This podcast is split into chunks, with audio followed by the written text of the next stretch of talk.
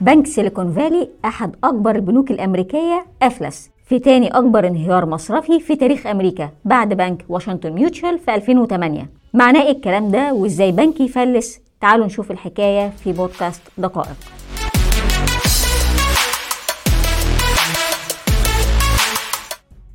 بنك سيليكون فالي اشتهر بدعم الشركات التكنولوجية الناشئة أو ال startups. لحد وقت قريب كان مستقر. وعنده أصول بقيمة 209 مليار دولار.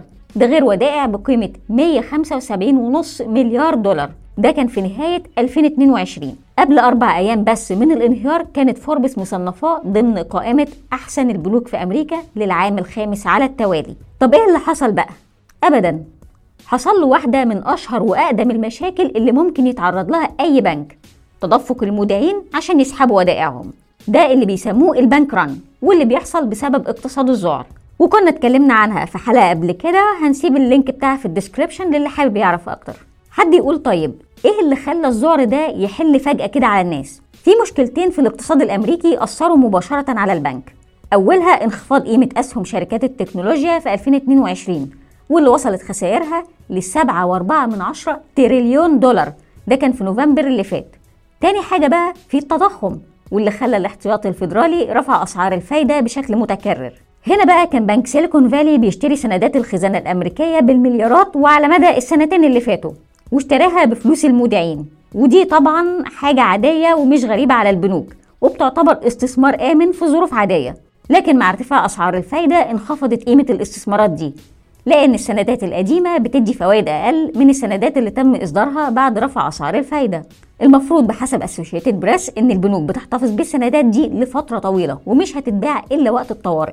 لكن عملاء سيليكون فالي اللي هم غالبيتهم من شركات ال startups التكنولوجية دول بقى كانوا محتاجين فلوس بسبب خسائر السنة اللي فاتت. ده غير إن مفيش استثمارات من رأس المال المخاطر أو ال venture capital زي الأول. بالتالي عشان شركات التكنولوجيا تفضل شغالة بقت بتسحب ودائعها في بنك سيليكون فالي. فالبنك اضطر يبيع السندات عشان يغطي عمليات السحب. خدت بالك من اللي حصل دلوقتي؟ طب تقدر تتخيل اللي هيحصل؟ أيوه البنك بقى بيبيع السندات خسرانة.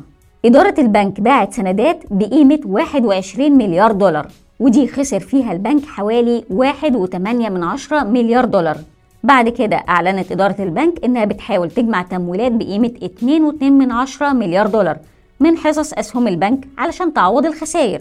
لكن زي اللي جاي كحالها عماها فالإعلان ده عمل حالة ذعر وخلى الناس تجري تسحب فلوسها من البنك. ومع ذلك إدارة البنك ما اتعلمتش درس الذعر لأن بعد كده رئيس البنك جريت باكر قال إن البنك استلف 15 مليار دولار عشان يدعم الميزانية بتاعته وطبعا مع طوابير السحب اتضح إن الفلوس اللي في البنك ما تكفيش الطلب.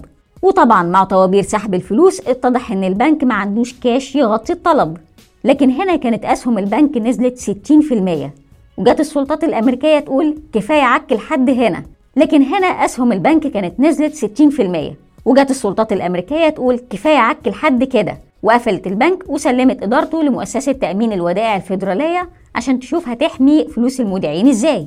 بايدن اجتمع مع المسؤولين الماليين الفيدراليين عشان يشوفوا حل للانهيار.